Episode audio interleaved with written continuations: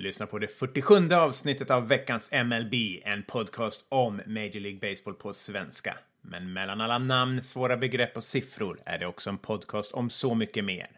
Välkomna att titta in i vår, ibland skruvade värld. Mitt namn är Niklas Hellerstedt och med mig, mannen som går all in på rött ni vet, Olof, the big dog of Venice Svensson. Hallå! Tjena Niklas, hur är läget? Jo, men det är fint. Det är härligt väder här på Paradisön som vanligt. Jaha, du menar ösregn eller? Ja, exakt. ja, ja, sommaren fick ju, det blev lite halt i det ju, eller hur? Ja, det kan man lugnt säga. Stod i Speedos och grillade i lördags och sen var det på med vinterjackan på måndag. Ja, det blev en liten sån här omställning, men mm, vi får väl hoppas att det rullar igång och att temperaturen höjs här snart igen, va? Jajamän. Annars lite får man goa. värma sig med baseball. Mm, inomhus. Mm, nej. Vi har ju en härlig, ett härligt avsnitt framför oss, tycker du inte det? Jo, definitivt. Så att eh, vi gör väl som vi brukar, vi kör igång. Ja, det gör vi.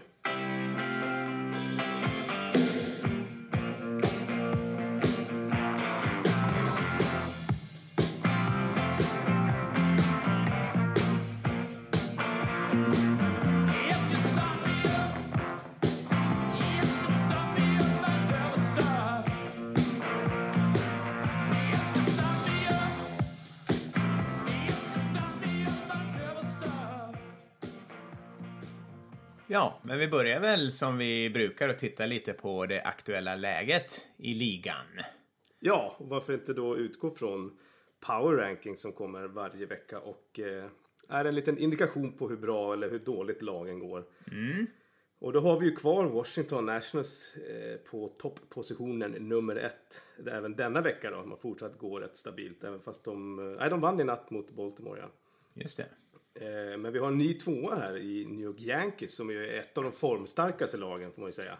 Mm, verkligen. Eh, De eh, fightas ju med Baltimore om, om första platsen i American League East. Baltimore som ligger på femte plats tror jag. Eh, Men det är en väsentlig skillnad där. Alltså för att eh, jag tror att Yankees har plus 40 i run differentials. Alltså de har gjort 40 fler runs än vad de har släppt in. Medan Baltimore då bara inom citationstecken har plus 11. Det är också en indikation på hur starkt ett lag är. Eh, Och det kan ju, det kan ju vara ett bevis på att win-loss-statistiken är lite missvisande ibland.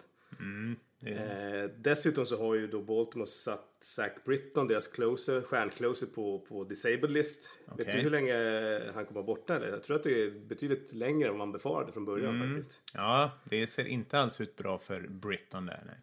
Nej, annars att nämna så är då Cincinnati, som vi kommer att komma till lite senare här i avsnittet, eh, veckans bullet om man ska säga. De har gått upp nio placeringar från 26 till 17 plats och fortsätter att övertyga eh, trots att man trodde att det skulle liksom börja stagnera, eller hur? Ja, jo, men det, det trodde vi väl alla och vi får väl se när det gör det. Men eh, om man tittar på, jag brukar ju ofta titta på de här last 10 column och där ligger de ju faktiskt i topp. De är ju eh, ett av tre lag där som har eh, åtta segrar på de tio senaste.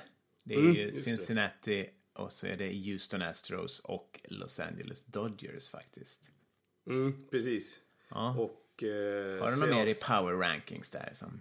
Nej, men jag tänkte på det du pratade om tio senaste matcherna. Om man tittar på senaste veckan då, sen förra avsnittet spelades in, så, Mm. eh, så är det då, ja, som vi nämnde, Baltimore Yankees som har gått bäst i American League. De är fem vinster, en förlust, respektive fyra vinster, en förlust. Och sen så är det just Cincinnati tillsammans med St. Louis och Dodgers då som har gått bra. St. Louis går ju som tåget nu, har ju sex raka vinster sen förra avsnittet. Mm. Och eh, ja, ser till att eh, blanda om ordentligt i National League Central och som vi trodde skulle vara klar vid det här laget. Ja, man kan ju bara nämna också de här senaste tio matcherna. De som verkligen går kräftgång. Det är ju fortsatt eh, San Francisco Giants som bara vunnit två av sina tio senaste. Och Philadelphia Phillies som ju ja, inte har så mycket att sätta emot i år. Som också har två vinster på senaste tio. Så att, Ja, och sen, sen har vi väl Texas då som också fortsätter att cementera sig i botten av American League eh, West. Ja, om man bara liksom syr ihop lite division för division så kan man ju, som du sa, American League East där så är det ju New York och Baltimore som är fortsatt bäst. Mm. Med Boston en bit bakom ändå, fem matcher tror jag. Det börjar bli ett avstånd där som ja. nog oroar Red Sox-fansen. Prekärt läge. Mm. American League Central, ja, Cleveland har ju tagit ett litet, litet, litet grepp, men inte så där så att de kan gå ifrån på, på något sätt, utan eh, Nej. den är fortsatt jämn. Men ja, det troliga är väl att Indians kommer segla ifrån förr eller senare. Jo, det känns så. När deras uh, pitching uh, kan få återhämta sig från uh, förra säsongen. Ja. American League West, som du sa, Houston är ju väldigt, väldigt bra där och Texas är ju sist. Mm. Eh, National League, om vi tittar där, exakt som du pratade, Nationals vann i natt och de ligger fortsatt i topp. Men du har ju tre lag där som går väldigt dåligt nu. Det är ju Marlins och Braves förutom då Phillies. Så att eh, där har ju Mets ändå närmat sig toppen på grund av att de andra går så dåligt. Eh. Jo, fast befinner sig väl fortfarande i något slags eh, ingenmansland därför att eh, de är ju långt borta från divisionstiteln och har väl en del matcher upp till wildcard. Ja, jo, så är det ju. National League Central som du också nämnde då med Chicago Cubs som faktiskt är nere på fjärde plats nu den här. Det är ju en knallhård division så att... Eh, men det är ju väldigt intressant. Ja, vad har hänt med St. Louis egentligen? Var kom de ifrån? De inledde väl rätt skakigt här för mig? Ja, jag tror det. Eh, vi har väl inte tittat sådär jätte nära på dem, men det kanske börjar bli dags att intressera sig för Cardinals. Vad kan de göra? Kan de vara med och utmana i år? Det, det trodde ju inte vi såklart. Nej, verkligen inte. Och Nej. sen så ska vi säga att alltså, alla lag kommer ju ha winning streaks och losing streaks under säsongen. Så det här kan ju liksom jämna ut sig till att, eh, eller konvergera mot det vi trodde att Cubs kommer tillbaka. Men lite överraskande är att Cubs ligger fyra trots allt. Jo, men så är det Men ja, de fyra första lagen, det skiljer ju bara två matcher i, i vinster där. Mm, Cardinals leder på sina 19 vinster och Cubs ligger då fyra på 17 vinster. Så att, mm. Mm det kan ju ändra sig snabbt. Det kan ju vara något annat redan efter helgen. Precis. Men i National League West då som... Eh, do, eh, där går ju Dodgers bra som vi sa. Åtta segrar senaste tio och de börjar ju kanske ta kommandot där även om främst Colorado Rockies stretar emot bra och leder ju fortfarande där. Men ja, mm. Diamondbacks är ju med i matchen men... Mm. Har börjat tappa lite grann. Lite ja. Vårat Diamondbacks som vi ändå får kalla det lite grann nu efteråt ja. där. Nej, det blir ju svårt att och, eh, vara bland de två bästa där. Men trea kan ju räcka. Men ja, vi får väl precis. se. Mm. Enligt ditt experttips så gör du det. Jajamän. Yes. Ja, nej men det var väl en snabb genomgång om läget i ligan då. Mm. Eller? Är det något mer du vill addera? Eh, nej, jag tror inte det. Jag tror vi täckte in det ganska bra faktiskt. Mm. Det var ju, ska vi backa bandet lite till eh, söndagsnatt natten, eller egentligen måndagsmorgonen här i, i Skandinavien och i Sverige. Det var ju faktiskt den längsta Sunday Night Baseball ever. Ja, precis. Och den längsta i Interleagues historia. Ja, när New York Yankees då spelade den tredje avslutande matchen i deras Interleague-möte med Chicago Cubs på Wrigley Field. Ja, eller tredje och fjärde kanske man kan säga, för det Aha. blev ju faktiskt två matcher av det hela. Ja, 18 fulla innings gick de ju. Och där, eh, ja. Aroldis Chapman var ju tillbaka på Wrigley Field. Eh, det var ju en trematchserie som inleddes i fredags då. Då fick han ju sin eh, efterlängtade World Series-ring i någon liten pre-game ceremony. Ja. Men slutet på den serien blev inte lika rolig för honom för att han gick ju in där i nionde och skulle closa när Yankees hade en tre-run-ledning. Men släppte tre runs och när Anthony Rizzo tror jag var som slog in den game tying run. Eh, när han fick på den så rök Chapman och sen så började då extra innings som inleddes med tio raka strikeouts. Det är mm, det. Exakt. Och den inleddes med min frukost också faktiskt då. Ja, just det. Nej, den här matchen innehöll ju otroligt mycket. Jag, vet inte, mm. jag antar att du såg Kyle Schwarbers eh, makalösa Jeter-catch där över muren. Ja, det var fantastiskt. Eh, såg ut som han skulle slå ihjäl sig och mm. eh, ja, under några sekunder var det enda man såg hans uppsträckta arm med handsken och bollen. Ja, det är coolt. Eh, så att, ja, nej, det var mycket som sagt som hände i den matchen. Att det var så långt som man var till och med tvungen att hämta in nya bollar. Mm. Det var rätt roligt. kom in en, någon snubbe där med en kartong och fyllde på för att alla bollarna hade tagit slut. Sen så var det ju faktiskt eh, tre pinch hitters som var pitchers i den här matchen. Mm, exakt. Det, var, det kanske är en av anledningarna att det slogs ett Major League-rekord i den här matchen. Just det, för det var mm. ju faktiskt hela 48 strikeouts. Mm.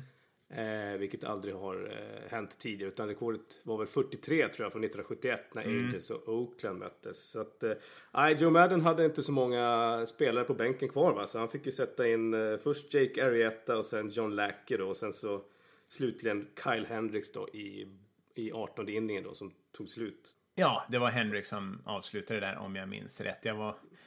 Ja på jobbet då. jag hade sett eh, liksom tre timmars förlängning liksom. Det var, ja, men det var ganska kul att kunna få se Sunday Night Baseball. För det, det brukar man ju inte se så ofta här. De startar ju klockan två på natten mot måndagen och då är det väl kanske inte den lämpligaste tiden att sitta uppe. Nej, precis. Det är ju inte så att man bänkar sig klockan två direkt och nej. ska upp och jobba sen. Uh, ja, nej, så det, det, var en häftig match och tufft för uh, för Cubs som blev svepta av Yankees. Mm. Ja, men eh, det kanske inte var den största snackisen i, i MLB eller från helgens matcher då. Nej, jag tänkte bara för att avrunda den här uh, snacket, för de gick ju uh, 18 inning, så tycker du att det ska kunna bli oavgjort i matcher? Just det, det har du och snackat om lite grann och mm. jag har läst ett en hel del artiklar om eh, huruvida man ska ta tag i det här problemet som vissa ser att det blir så här långa matcher. Eh, jag gillar ju extra innings. Mm. Eh, och eh, det är inte så ofta det inträffar att, att matcherna blir så här långa utan ofta så brukar de avgöras i ja, tionde, elfte, tolfte liksom. Så att jag tycker fortfarande att det har en, en, en eh, viss charm att det går så långt att ja, man får se liksom uh, pitchers slå som pinch hitters. Man kanske får se positionsspelare gå in och pitcha därför att liksom man har slut på spelare. Mm. Det är skönt uh, avbrott i, i serielunken tycker du eller? Alltså ja, det... precis. Ja. Uh, jag vet inte vad du tycker?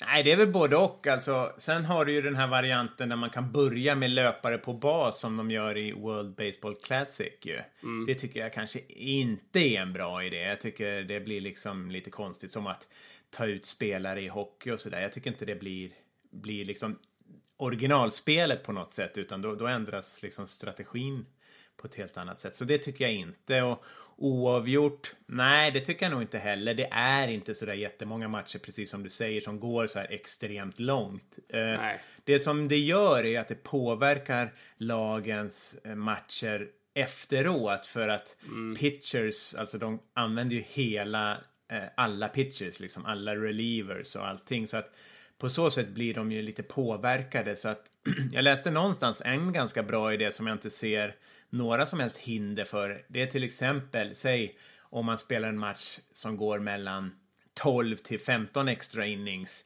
Mm. Eh, så får man plocka in en ytterligare pitcher i truppen, alltså ja. i två matcher. Och om det går mellan 15 och 18 inning så det, har man möjlighet att utöka sin tr eh, trupp ytterligare. Jag tycker det, det var ett ganska eh, bra förslag faktiskt.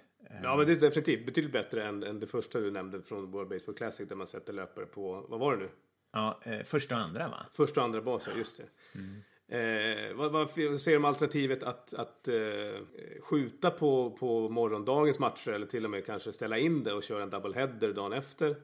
Ja, då påverkar ju det liksom det andra laget för det är alltid påfrestande mm. att köra double headers också. Så att, ja, den här gången hade ju Chicago lite tur för det blev ju faktiskt så att den matchen efteråt blev ju uppskjuten så det blev ju precis som du sa det här var söndagsmatchen de spelade, skulle egentligen ha spelat i Colorado på, redan på måndagen, men den mm. blev inställd så att det blev en doubleheader på, på tisdagen då. Ja. Ja, men det måste ju vara tufft för bägge, både Yankees och eh, Cubs hade ju en resdag dagen efter. Ja, det var ju det som verkligen ställde till det för båda lagen. Ja, att eh, behöva, jag kommer inte ihåg när, när slutade matchen lokal tid. Ja, jag tror att det var nä, nästan halv två i Chicago. Ja. Mm och höll på i dryga sex timmar. Mm. Eh, så att man är ju rätt slut, både framförallt psykiskt tror jag, men också fysiskt. Och då sen lite sömn och sen så sätta sig på ett plan och hamna på en eh, arena några timmar senare måste vara rätt, eh, måste vara rätt svårt att liksom börja fokusera igen. Eh, Men jag tycker definitivt den, den lösningen som du, den andra lösningen där med att, att kunna kalla upp extra pitches. Ja, en liten utökad trupp liksom i ja, serien efteråt eller två matcher efteråt eller något sånt. Jag tycker det. Ja, precis. Okej, ja, men du små tittade ju framåt lite där på ja, veckans kanske stora snackis utanför plan. Ja, precis. Ja. Eh, för att i söndags, när var det nu? måste varit på eftermiddagen någon gång va? Så började det plinga till med lite notiser i telefonen här om att, att New York Mets helt plötsligt hade stängt av Matt Harvey som då skulle upp och pitcha några timmar senare egentligen då. Jajamän. Mot Marlins, att han hade blivit eh, avstängd i tre matcher. Hade du bakgrunden till det eller? ja, eh, den började ju, det kom ju, det började ju ryktas om en det ena och en det andra där på söndagen. Men jag tror nu att det var i tisdag som ju Matt Harvey höll en liten presskonferens där och ju ja, gav oss alla lite ljus på vad som hade hänt. Och det var ju så att på fredagskvällen hade han väl varit ute rätt sent i Meatpacking District med sina polare. Ja, sitt entourage där och hade väl, Jajamän. eh, ja, enligt eh, vad jag har hört firat Cinque de, Cinque de Mayo, som, men den var ju dagen innan, men det var väl en försenad eh, Cinque de Mayo-fest. Ja, den de kanske började redan på torsdagen, det vet man ju inte. Nej, det är inte omöjligt alltså. Nej.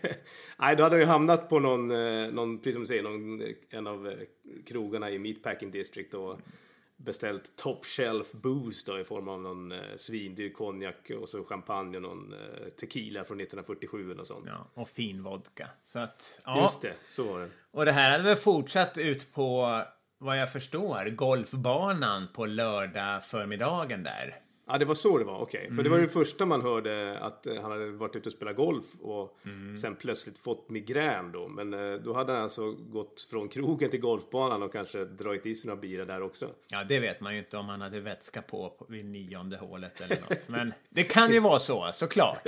Och eh, det, alltså, det, det, det var ju så. Även om det inte Ja. uttalades så. Och han var ju helt klart inte i skick att då ta sig in till Cityfield på lördagen. En match han inte skulle spela, men som ja, alla ska ju finnas tillgängliga för, för Ja, man förväntas ju vara där även fast Ja. man inte spelar. Exakt. Eh, och sen så var det alltså det som eh, föranledde avstängningen var väl kanske inte att han var bakis utan det var väl att han eh, inte hade hört av sig till Mets. Så att de, jag tror, jag läste att så här, vi, ja, sent på kvällen, lördag kväll så hade de skickat ut säkerhetspersonal bara för att kolla om han levde. Ja. och eh, i och med att han inte gjorde det så, eh, så fick han tre matchers eh, avstängning då. Han kom in på söndagen där, ja. Eh, Mm. Vi kan väl lyssna. Han hade ju en liten presskonferens där i tisdags. Yes, I was out on Friday night, uh, past curfew. I did play golf uh, Saturday morning, and I put myself in a bad place to be ready for showing up for a ball for a ball game. That is my responsibility. I take full blame for that, and I've apologized to my teammates. I've apologized to the coaches, and I'm doing everything in my power so that that never happens again. Um, like I've said, I'm uh, extremely embarrassed for my actions. And, I'm working forward to getting things back on track and, and doing everything I can to help this team win and help this organization moving forward. And uh, they all have my word on that. Ja, till slut så kom ju förklaringen då om Matt Harvey som var väldigt eh, ångerfull eh, för det han hade gjort. Och eh, ja, Matt Harvey har ju en lite brokig historia med både Mets organisation och Mets fans. Här. Eh, 2014 när han körde rehab från sin Tommy John va, så spelade ju eh, Mets i Washington. Jag tror det var i september, men då valde ju eh, Harvey att gå till Yankee Stadium och titta på Derek Jeters sista match tror jag. Och det här eh, var ju inte populärt hos Mets-fansen. Och sen så då, eh, 2015 då när han återkom efter sin Tommy John surgery så du kanske har bättre koll på det här än vad jag har. Men då bestämde väl Mets organisation att han skulle hamna under en sån här innings-limit, vilket man ofta gör när spelare kommer tillbaka från svåra skador. Ja. Eller hur? Jajamän. Det är Eh. Men då i september tror jag det var så gick väl hans agent, den här mytomspunne Scott Boren in och bestämde att det skulle vara 180 innings och ingenting annat. Nej. Visst var det så? Jaha. Ja, och det var ju inte jättepopulärt. och, eh, Harvey har ju haft lite halvproblem och eh, Mets organisation har väl haft och har lite problem. Jag vet inte om de har riktigt koll på vad de gör där. För att innan den här skandalen med Harvey då så var, kom det ut en väldigt tvivelaktig tweet från eh, Mets officiella konto. Jajamän. Eh, på, jag vet inte, det var någon rookie som hade gjort sin första homerun. Var det från locker room. Och eh, då i båset bredvid då så stod det någon, en sexleksak kan vi säga. Jajamän.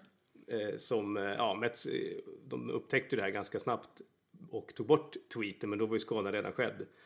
Och det här plus lite andra grejer har ju fått folk att börja fundera på vad som händer i Clubhouse egentligen och om Mets har koll på sina spelare och vad de gör. Du hade någon annan grej på det?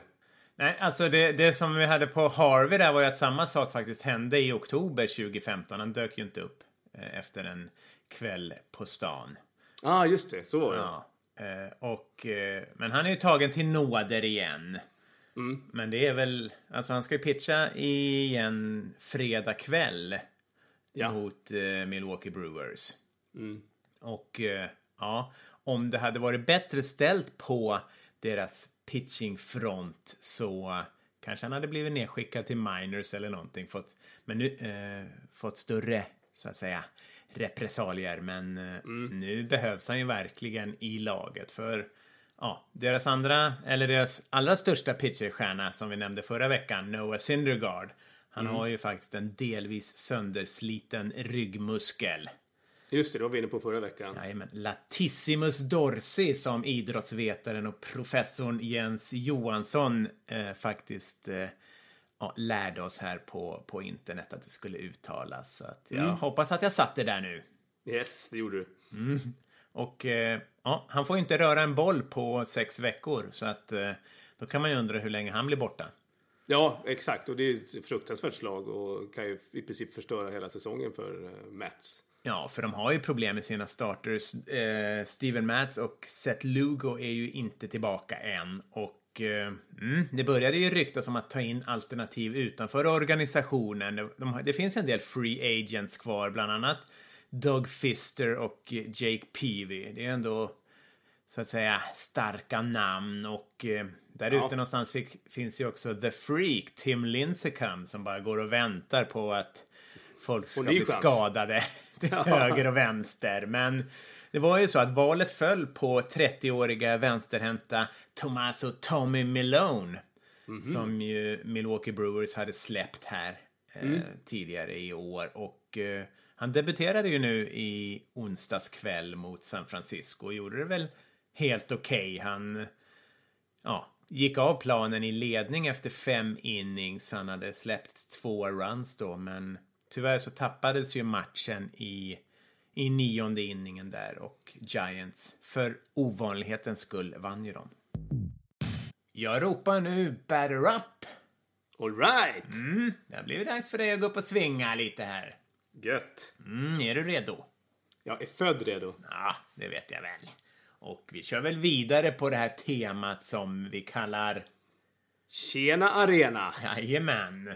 Nu får du gnugga geniknölarna här. Oj, oj, oj. Här kommer en fastball. Up and in. Arenan är den allra minsta, faktiskt. När det kommer till faktisk publikkapacitet. Och när den designades så gjordes den i en mer framåtblickande än retro bakåt-känsla. Okej. Mhm. Eh, jag tittar in den striken och funderar. En liten arena som ändå är lite så här framåtblickande i sin design. Mm, jag har en teori. Bra.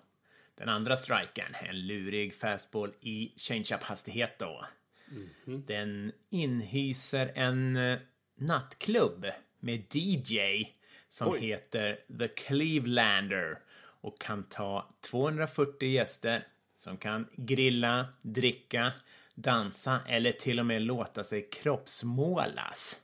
Oj då, det här har Ja. varit någonting. Det är ett ställe för Matt Harvey. ja, verkligen. Ja, Jaha, där uh, röker min första teori här. Ska man eh, luras av den där The Clevelander? Ja, jag tittar och ser. Den tredje striken. Min vanliga tredje strike här. En hanging akronym. Ja, den man alltid är gan på. Sparkling Arm heter arenan jag söker om man slänger, upp, eh, slänger om bokstäverna lite hit och dit. Sparkling Arm. Sparkling Arm. Sparkling Arm.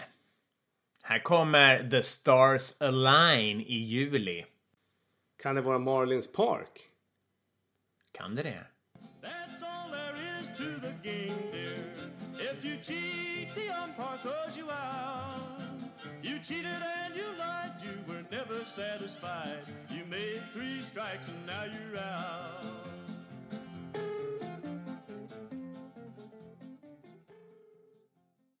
Ja, men då var det faktiskt dags för oss båda att gå all in på rött ju. Just det, det stämmer. På Cincinnati. Ja, en djupdykning i en av årets stora, stora överraskningar så här långt ju. Mm, det får man säga. Ja, de är väl inte där de var på 70-talet. Nej, inte riktigt. Där har de väl en liten bit kvar.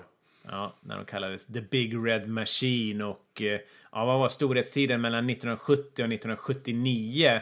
Vad var det de snittade i vinster då per, per år? Jag tror det var 95 wins per säsong. Vilket ju är inte så dåliga siffror faktiskt. De hade ju väldigt många namnkunniga spelare också. Bland annat Pete Rose och Johnny Bench.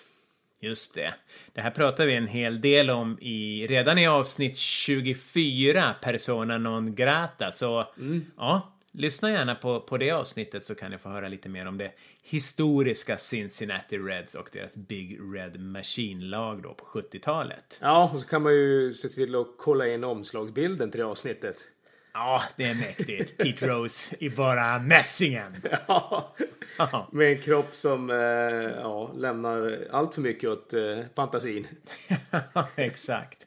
Ja, Eh, ja, nej, men som du säger så har ju Cincinnati börjat säsongen riktigt bra.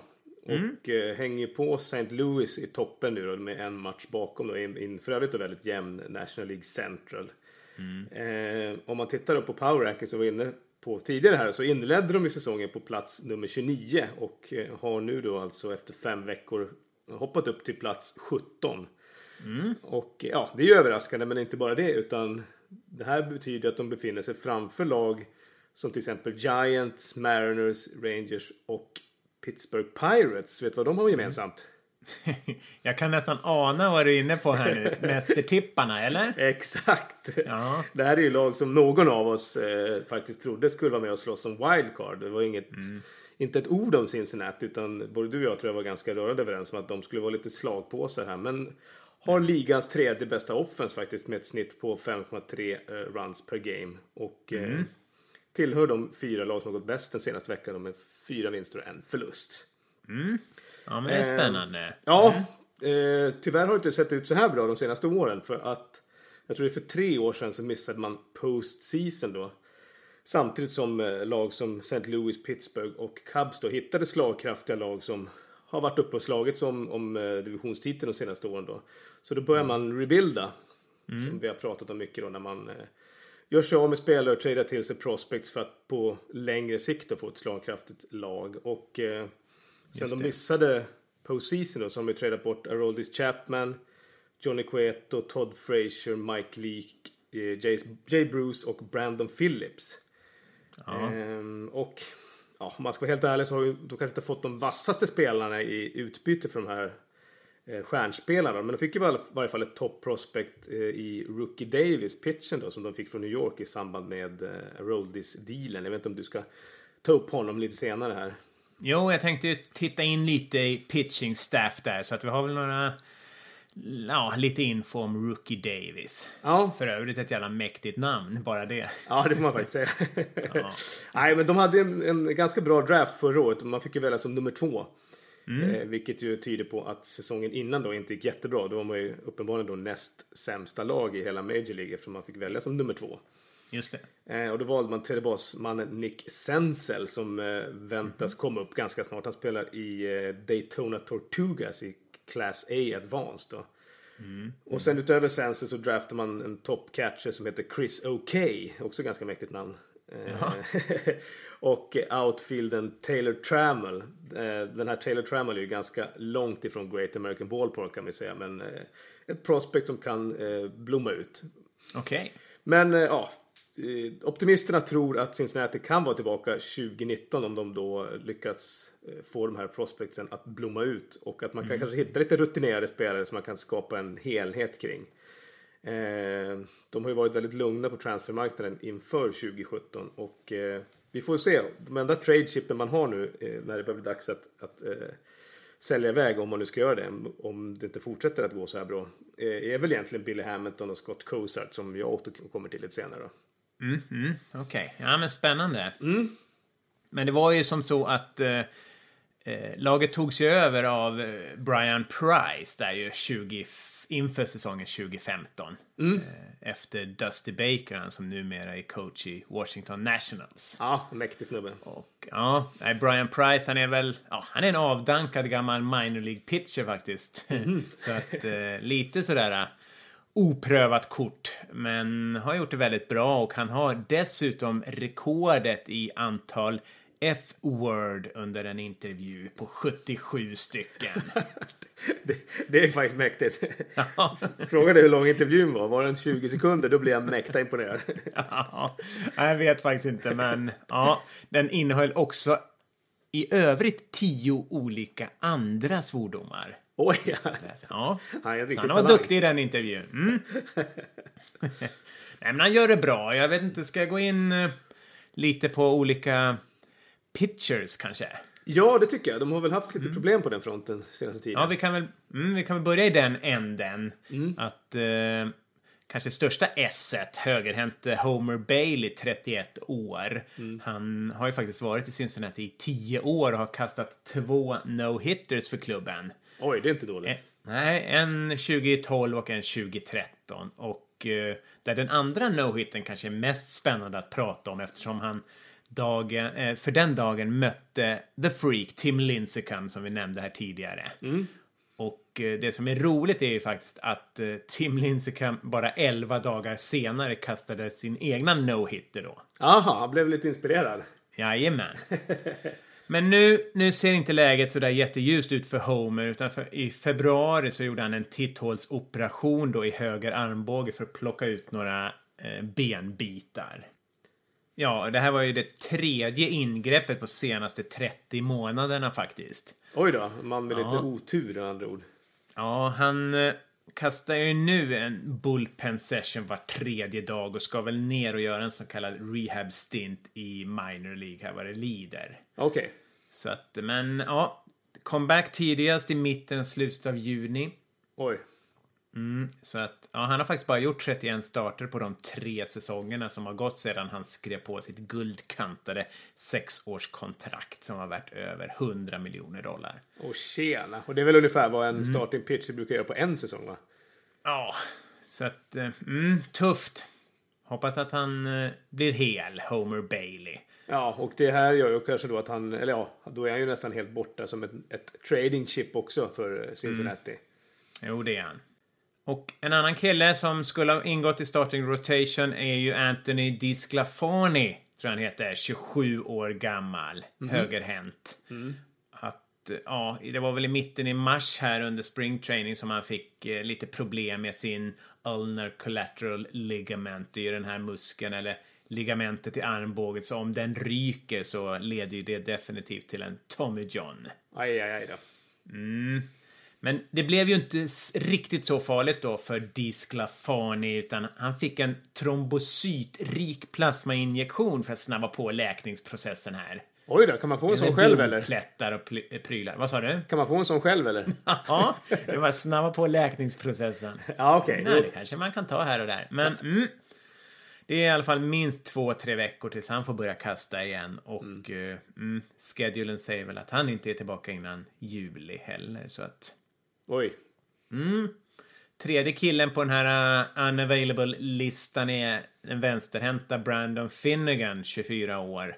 Han har gjort tre starter i år och eh, började bra. Första matchen så pitchade han långt, sju innings. Och, men sen blev det bara kortare och kortare och sista matchen då så pitchade han bara en inning och eh, ja, han har problem med axel, skickad till DL och eh, ja, det dröjer minst en månad tills han är tillbaka också så att eh, mm, tufft i rotationen för Cincinnati Reds. Ja, det är halva rotationen som är på disabled list alltså. Ja, det de släpar fram då istället då är ju Scott Feldman som då kanske ses som någon slags etta just nu då. Eh, Han gjorde en superstart senast mot San Francisco. Han pitchade faktiskt ett complete game shutout. Oj då.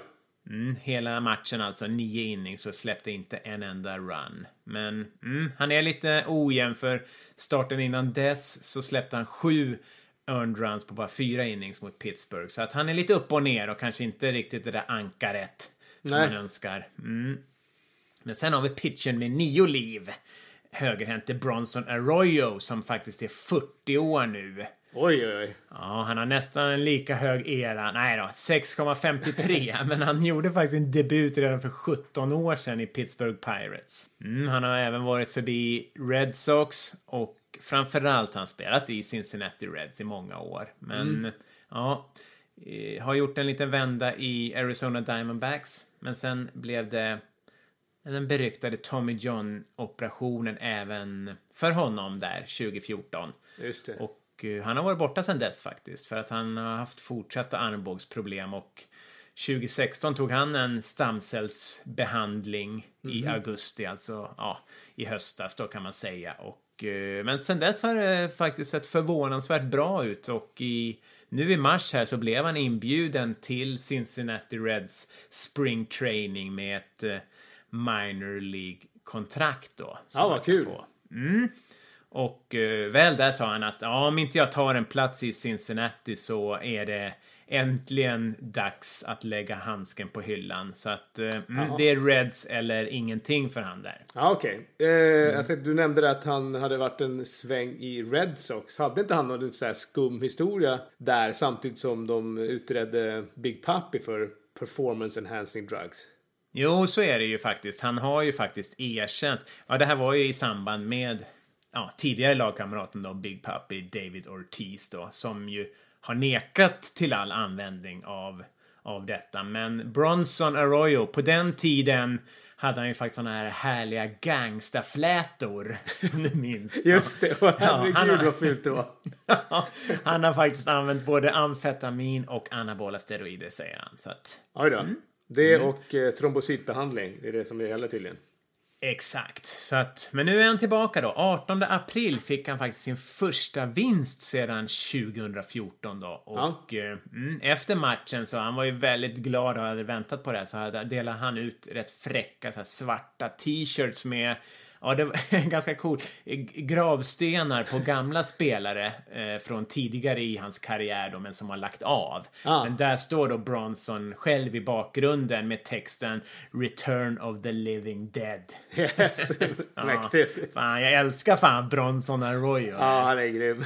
Oh boy, oh. Mm, nej men eh, vi får väl... Det är ju såna här historier man, man såklart gillar att höra och Ja. eh, vi får ju verkligen hoppas. Han pitchar nu eh, i dagarna här om det är natten mellan torsdag och fredag så att eh, Ja. titta gärna in hur det gick för honom mot San Francisco Giants här. Mm. Eh, Ja, men de har också skickat ner två killar nyligen i minors. Eh, deras prospect då, han du nämnde Rookie Davis, 24-åringen. Mm. Han, han är nedskickad. Eh, av anledningen att eh, hålla nere så att säga både eh, workload för, för de här unga killarna, alltså Rookie Davis och Amir Garrett handlar det om. Eh, och det handlar också om att om man inte har uppe dem i Major League-klubbarna tillräckligt mycket så eh, håller klubben kontroll på deras kontrakt i ytterligare ett år kan man göra. Just det, de får inte, är det så att de, de får inte spela för många matcher eller de får inte vara på active roster för länge? Jag tror att det är på active roster. Om, om Ja. de är det ett visst antal matcher så, så går det ett år så att säga innan de blir eh, free agents. Just det. Så att det kan de styra lite med att de skickar ner eh, folk till, till minors. Och det här har faktiskt blivit ännu eh, mer använt att de skickar folk med den här 10 day disabled list så kan man ja, använda den lite mer så här frikostigt. Men mm, Amir Garrett 25 år alltså och Rookie Davis 24 år. Eh, ja, där Amir Garrett faktiskt kanske har gjort det riktigt, riktigt bra. Sex starter och eh, han har gått eh, ja, långt och det, det, har varit ovanligt för starters i Cincinnati Reds. Han har faktiskt gått minst sex innings i fem av sex matcher. Mm. Annars är det problemet att de inte går tillräckligt långt. Eh, sådana här quality starts, alltså det, eh, när, när starting pitchen gör minst sex innings och inte mer än tre earned runs. Mm. Eh, när man inte släpper det, då, då, har man en quality start. Och där har Cincinnati bara haft 12 sådana. Och det är 24 plats i Major League Baseball. Det är såklart inte hållbart om man vill leda en division. Nej, alltså Bullpen Nej. måste ju belastas för mycket då. Mm. Washington Nationals har dubbelt så många quality starts. Ja. Alltså 24 stycken. Och, mm. Men det kan vara en ljusning på väg. I april så hade de bara sex wins från starting pitchers. Mm. I maj redan sex vinster och det har bara gått 10-12 dagar va? Eller ah, okej. Okay. Ja, ja något sånt. Yes, eh, så där har vi starting pitchers. Mm. Och eh, om vi bara ska titta snabbt in i Bullpen så har ju den verkligen gjort ett hästjobb som du nämnde i år och från att i fjol ha haft en katastrofal april med att vara absolut sämst i Major League Baseball och där de hamnar på e-, e-, efterkälken direkt mm. så har de 2017 då liksom varit klippan för hela laget.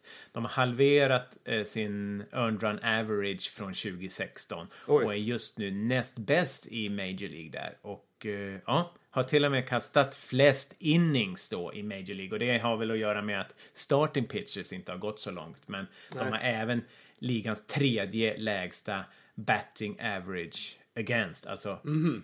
slagmännen som de har mött har bara 196 i average. Men då måste man ju säga att det mesta pekar ju då uppåt för Cincinnati just i och med att de har haft en bullpen som har levererat så bra och sen så haft ett offense som är det tredje bästa ligan och så till råga på allt så får de tillbaka att starting rotation börjar leverera.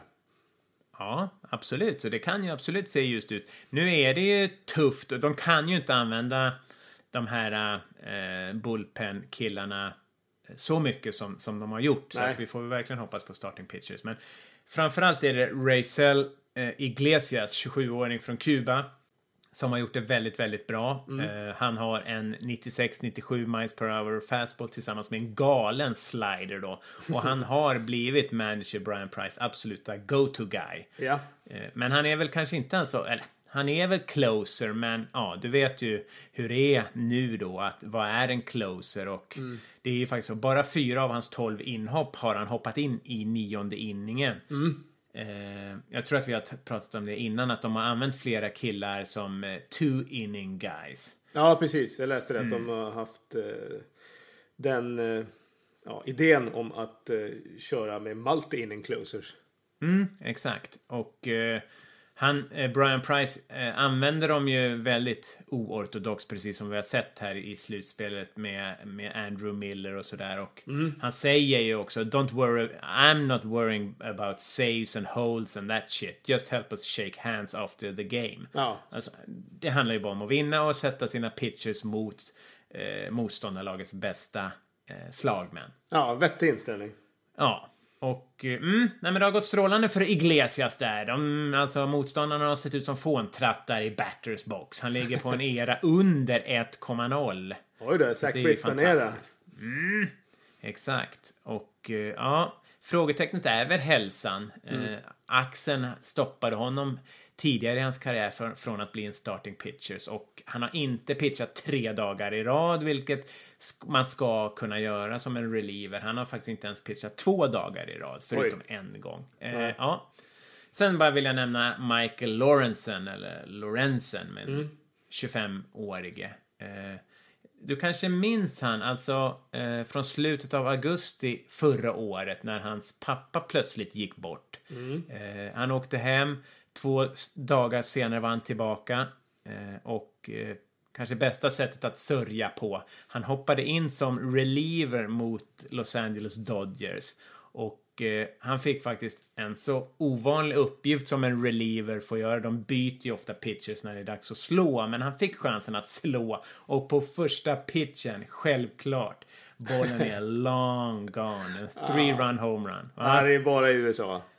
Hans första i karriären och faktiskt den första av en Cincinnati-pitcher under 2016. Så att, ja. Ja. det här var ju ett fantastiskt ögonblick. Coolt. Ja, så att det var lite info om pitchingen i Cincinnati Reds. Ja, väldigt eh, matnyttig. Ja. Vad har vi annars då i eh, position players? Jag läste någonstans att line-upen är sizzling hot. Ja, det läser jag också faktiskt. Och eh, som sagt, är man, har man det tredje bästa offense så får man ju säga så. Eh, annars så är ju eh, line-upen inte särskilt namnkunnig om man säger så. Utan eh, de mest framträdande spelarna är väl Joey Votto, Zach Cozart och Billy Hamilton som vi har varit och surrat lite om i varje fall. Och då om vi börjar med Joey Votto som nu, numera får man ju säga är Mr Cincinnati. Eh, han gör ju sin elfte säsong. Eh, han är ju 33 år gammal, kommer från Kanada och Toronto för att vara eh, exakt. Har väl, eh, är väl känd som Cincinnatis lite så introverta och lite buttra första basman, eller hur? Just det, ja. Han ser verkligen ut att vara den här, inte muntergöken som pratar med alla som kommer ut på första bas. Nej, exakt. Nej. och eh, han har väl blivit eh, lite grann eh, det enda face of the franchise efter att Jay Bruce stack iväg till Mets och Todd Frazier drog iväg till White Sox, va? Just det. Eh, och han kom ju upp i slutet av den stora Cincinnati-legendaren Scott Rowlands karriär. Honom kommer du ihåg va? Och har som sagt alltid hållit sig på sin kant och inte varit den här ja, omhändertagande veteranen som tar till sig rookiesar och eh, lär dem hur, hur saker och ting fungerar och så. Utan han har snarare varit så fokuserad på att göra sitt jobb så att rookiesar inte har vågat ty sig till honom på något sätt. Ehm, Men eh, nu börjar han komma ut ur sitt eh, skal lite grann. För Okej, mm. förra året, eller inför den här säsongen så fokuserar han mycket på att hjälpa Billy Hamilton få upp sitt OPS. Han hade ett OPS på 563 och eh, fick upp honom till ett hyfsat OPS på 664 förra säsongen. Nej, Billy Hamilton, OPS, det viktigaste där för han är väl kanske on base percentage, eller? Ja, exakt. För att hans styrka är ju eh, snabbheten definitivt Ja. på, på baserna. Eh, men om man ska återgå till, till Vara då och hans vara eller inte vara i Cincinnati. Det är ju liksom för varje år de har hållit på att rebuilda så har det ju snackats om ska de trada honom, ska de inte trada honom. Men för tre år sedan då han var 30 då så skrev han på ett eh, monsterkontrakt på 10 år värt 250 miljoner. Och eh, det innehöll också en, en full... 10 år. Ja, så han är 40 år när det kontraktet går ut. Eh, dessutom är en full no trade clause, vilket innebär att eh, han har alltid rätten att neka en, eh, en flytt till ett annat lag, även fast de mot all förmodan skulle vilja öppna upp plånboken och betala de här pengarna för honom. Så att eh, han kommer nog bli kvar och inte kunna användas som något trade chip om han inte liksom backar på sina egna krav för att komma till en klubb med, med eh, lite ambitioner som ligger bättre till i framtiden. Vi kan väl för Reds skull hoppas att DH-regeln införs även i National League då. Ja, det skulle de eh, ha tre dagar fest för kan jag säga. Ja. Då kan man nyttja Joey Water i alla fall ja, en fem år till kanske. Definitivt. Eh, vi kan ju nämna det att eh, Joey Votto är ju Mr. On Base Percentage. Han har ju faktiskt ett career average på 425. Otroligt bra. Ja, och det är ju det tolfte bästa någonsin med spelare som har fler Oj. än 3000 at bat. Så att eh, han är extremt bra och väldigt kylig och tittar alltid in de första två strikerna. Han vill verkligen ha sin pitch för att slå på den. Ja, coolt. Så att, eh, men om vi då går till Billy Hamilton som vi var inne på. Här. Han är ju en ung centerfielder som gör sin femte säsong i Cincinnati och eh, Major League. Eh, han låter helt okej om base percentage men hans average slugging och OPS är bedrövligt. Minst sagt. Men han är vinstsnabb och hade 58 stulna baser förra gången. Ja, men jag menar det. Alltså, ah, många av han, bara han kommer ut på första bas så är det ju nästan som doubles och triples för att han stjäl ju nästan jämt ju. Ja, precis. Ja. Och eh, ganska bra ändå. 58. Han blev i kort stil åtta gånger förra året. Men eh, jag tror för två år sedan så uppmättes han då han stal eh, till andra bas då, en hastighet på 34 kilometer i timmen. Oj, Billy bråttom. Billy bråttom ja. Ja, Och det är ju faktiskt snabbare än vad jag cyklar tror jag. Så att, eh, det är ju imponerande. ja exakt. Eh, och sen så jag tror det var förra augusti förra året så uppmättes han på en triple då. Att springa från hemplattan till tredje bas på 10,45 sekunder. Oj. Det är inte... Va? Shit! Det är Nej. rätt bra alltså. Själv får man ju liksom stanna och hämta andan på när man rundar andra. Ja, hämta andan på första och så syrgas på andra bas.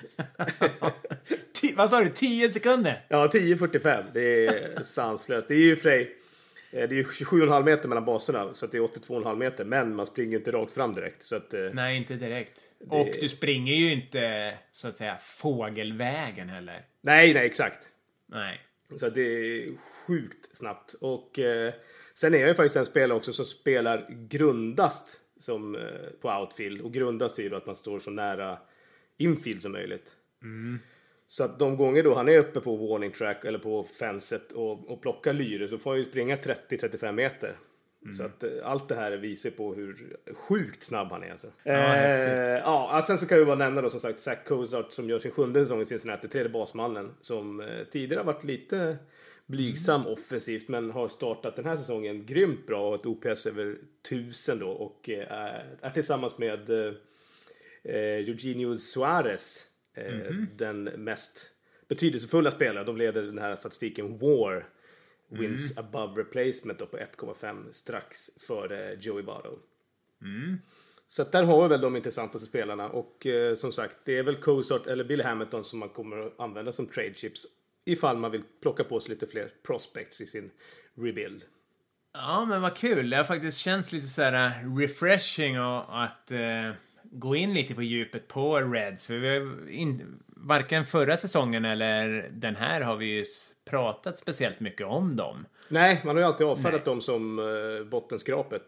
Ja, och det är väl troligtvis så att de väl kommer dyka lite grann eller plana ut och ja, hamna där nere i National League Central. Men vi kan väl minnas de här namnen i alla fall och eh, det kan ju mycket väl vara så att eh, att de kommer utmana om ett wildcard redan nästa år. Ja, det vore ju kul.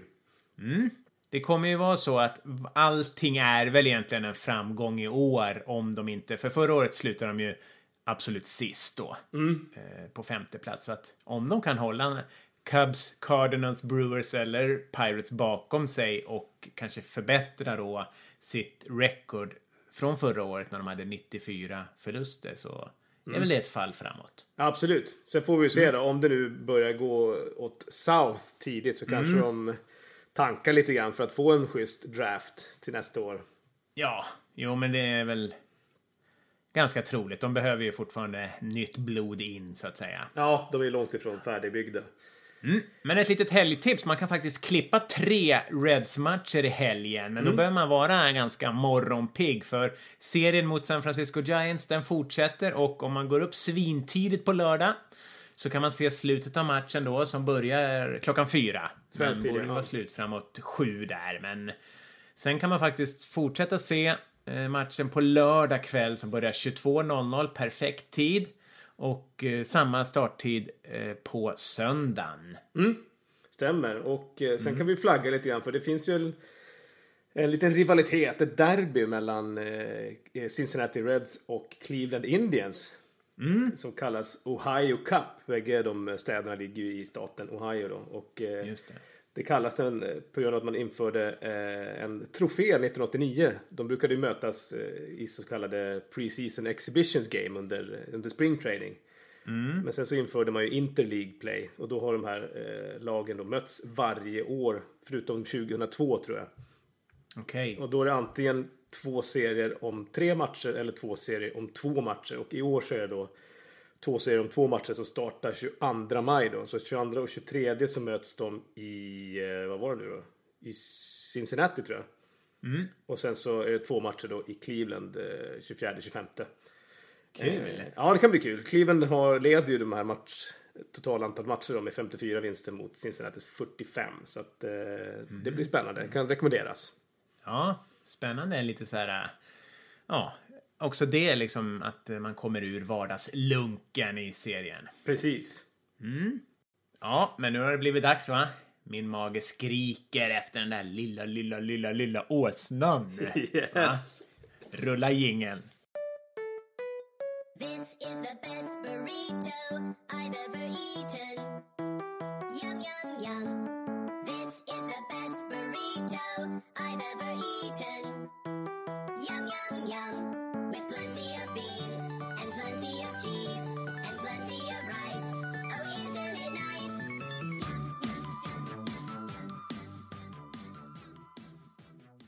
Ja du Niklas, nu ska du få ett recept som heter duga. Och eh, jag kan nästan lova att du kommer att avsluta det här segmentet med att säga attans maracas.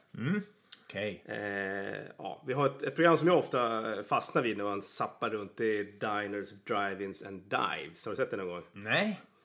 Det är den här ultra superduper amerikanska restauratören Guy Fieri som åker runt i USA och letar upp ja, sköna hak och syltor där jag tror inte någon maträtt understiger 4000 kilokalorier. Det är något för oss. Det är något för oss ja. ja. Fieri han är som sagt en ultraamerikan. Ett BMI som Aaron Judge fast en halv meter kortare. Har blonderat stubbat hår, personalskägg och så Oakley-glasögon i nacken. Yes. Det ska jag börja med. Ja, är det så? Ja. Ja, du är fan född till det tror jag. Ja. Fan vilken bra idé. Ja, jag fick faktiskt ett par såna, eh, såna snabba briller. Så Ja, okej. jag måste börja använda det. Ja. Men som sagt, det är alltid sköna ställen han på. Den här gången så heter receptet Pigs and Grits. Oh. Och grits är ju då alltså ungefär som eh, polenta ska man kunna säga. Något man gör på eh, majsmjöl då. Och eh, så här kör man då. Ja. Då börjar man med gritsen då och kokar upp eh, ungefär 5 deciliter vatten i en eh, panna eller kastrull och så slänger man ner en tesked salt, 100 gram smör och en tesked vitpeppar. Sen så sotar man ner 2,5 deciliter majsmjöl då och vispar på tills det tjocknar och sen så häller man långsamt på då 5 deciliter grädde. Eh, sen kommer själva huvudnumret då. Då har man gjort lite pulled pork. Eller varför inte ha, ta rester från pulled pork. Och eh, för dem eh, steker man då i jordnötsolja, ungefär en och en halv centimeter jordnötsolja i en panna då. Bara. Eh, ja, Tjena. så att värm på det och släng ner och låt ligga i en till två minuter tills det blir krispigt. Och eh, sen börjar man med toppingen och då river man drygt en deciliter Menonita cheese. Eh, det är alltså mexikansk ost som kanske inte är jättelätt att hitta i Sverige. Men den påminner om cheddar. Okej. Eh, så att har man inte Menonita cheese så blir det dubbelt, dubbelt sats cheddar. För att utöver den så ska man ha en deciliter cheddar. Okej. Och sen så en deciliter eh, riven mozzarella då. Och eh, sen så hackar man en jalapeno, hackar bacon och så steker man på det. Ja. Hackar salladslök, både vitt och grönt. Sen lägger man upp den här gritsen då i en djup tallrik, släng på den här krispiga pulled porken, lite barbecuesås, strö över ost och så in och gratinera i ugnen. När det är klart så toppar man då med salladslök och eh, jalapeno och bacon. Hur låter det? Attans maracas. Ja. Va? Och vad dricker man till det? Man dricker en iskall flaska Budweiser. King of beers. King of beers. Ja, men det lät riktigt gott. Ett perfekt grej alltså att göra till när det börjar bli varmare här ju va? Jajamän. Hej Felix, du hade en, hade en fråga till mig? Ja, äntligen framme vid mitt favoritsegment, veckans fråga. Yes. Vad har vi fått för något? Ja, vi har ju fått eh, en eh, rolig fråga här från Per Karlsson som skriver följande. För en helt oinsatt person som jag som precis börjat följa lite MLB. Hur fan gör jag för att förstå och hänga med i allt som händer i matcherna? Allt gott. Ja, det var en härlig fråga. Ja, vi tar den den här veckan. Mm. Då ska vi se. Ja, han är helt oinsatt eh, och precis börjat följa MLB. Jag kan tycka att det är ganska svårt att lära sig matcherna eh, bara genom TV, så om man ska komma med några tips, försök se någon baseballmatch eh, live. Eh, I Sverige har säsongen precis startat. Eh, kolla in på baseball och softball.se och kolla spelschemat för elitserien och regionserien alltså.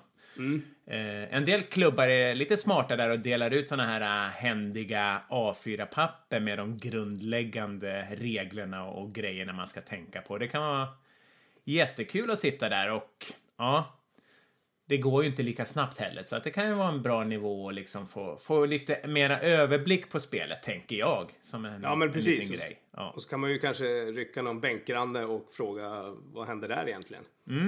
Något jag brukar få, eller förklara, jag tycker att det är ganska bra att utgå från det när jag sitter och tittar på en match med någon som inte kan. Så eh, det är att eh, förklara den här grafiken som visas hela tiden i rutan. Det är ju alltid en liten box i ena hörnet. Den varierar ju för tv-bolag till tv-bolag så att det är lite synd tycker jag. Så att det kan vara svårt att kanske beskriva den här och nu, men den, den innehåller faktiskt väldigt mycket information som gör det väldigt mycket roligare att titta på matchen. Absolut, absolut. Och eh, ja, längst till, till vänster brukar det i alla fall vara någon slags tre bokstävers förkortningar för lagen ju och bortalaget då står ju alltid överst. Det kan man ju börja med att för, eh, ja, förstå då att, att bortalaget då alltid står överst. Det kan ju vara kul att veta. Och Ja, överst eller längst till vänster. Ja, precis. Och sen eh, står ju en siffra eh, närmast de här och det är ju oftast hur många poäng de har tagit då. Så att där står ju själva ställningen.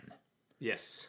Och mer i den grafiken, det är ju liksom en liten eh, bild på planen uppifrån också. Och eh, där är det liksom, där är baserna framträdande. Första bas, andra bas och tredje bas. Och om de här är ifyllda, eh, ofta i gult tror jag det brukar vara, så betyder det att laget som håller på att slå, de har baslöpare på någon av de här baserna. Så då kan man se hur, hur tufft läget är för, för laget som är inne och kastar eller hur, hur viktigt det är för de som ska slå. Kan man ju Precis. nästan förklara. För att eh, om det är fyllda baser liksom så, så gäller det ju verkligen. Och eh, mm. Sen har de någon grafik som indikerar på hur många brända det är också. Ju. Antingen står det utskrivet 0, 1 eller 2 out.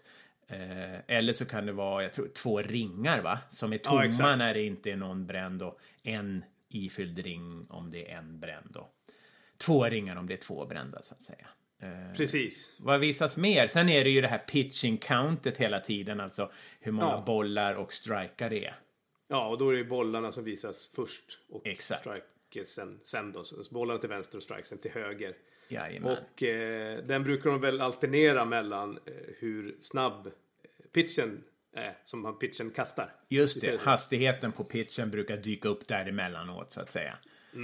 Och sen, eh, jag tror inte att det är alla, men de flesta har väl en, eh, en, eh, vad heter det, en strike zone som de visar. Antingen när pitchen kastas live eller att de visar i efterhand var den hamnade i strike-zonen. Om det var en, en strike eller en ball eller liksom insida, utsida, uppe, nere.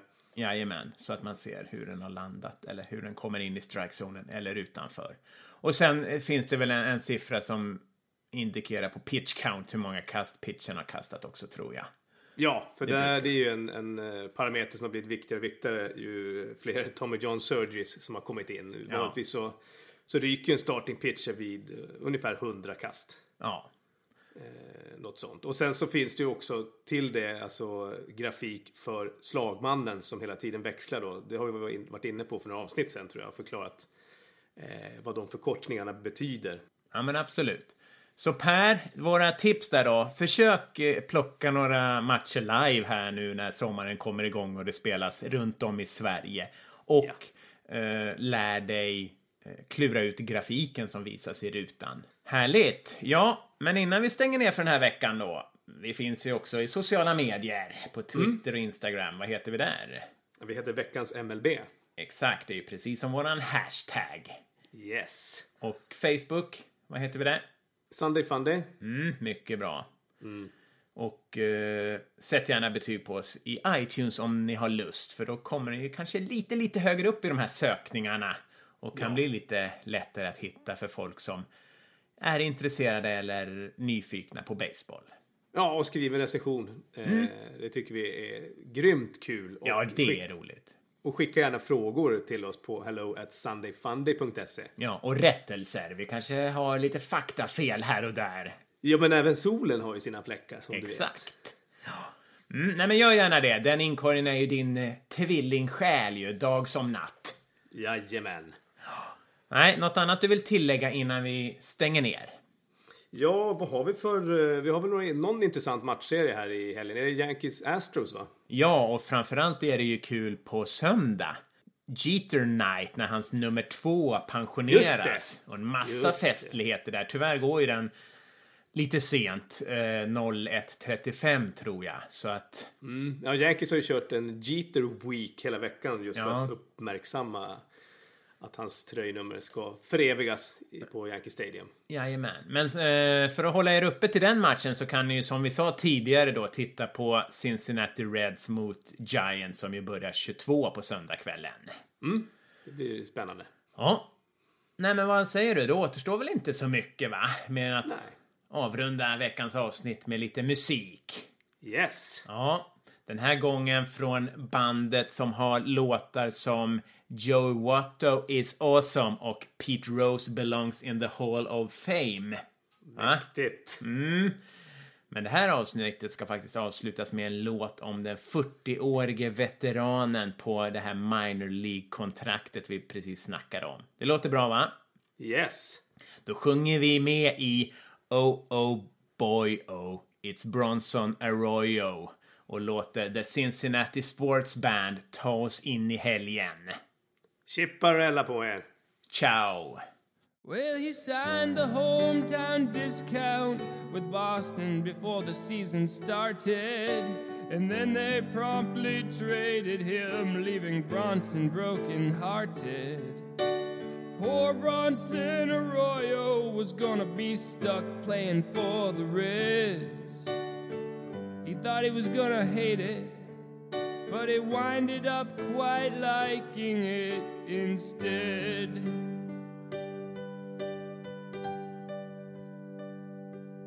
And now we all love to sing. Oh, oh, oh, boy, oh. It's Bronson Arroyo. Oh, oh, oh, boy, oh. It's Bronson Arroyo. Oh, It's Bronson Arroyo. Oh, oh, oh, boy, oh. It's Bronson Arroyo. Oh, oh, oh, boy, oh. It's Bronson Arroyo. Oh, oh, oh, boy, oh. It's Bronson Arroyo.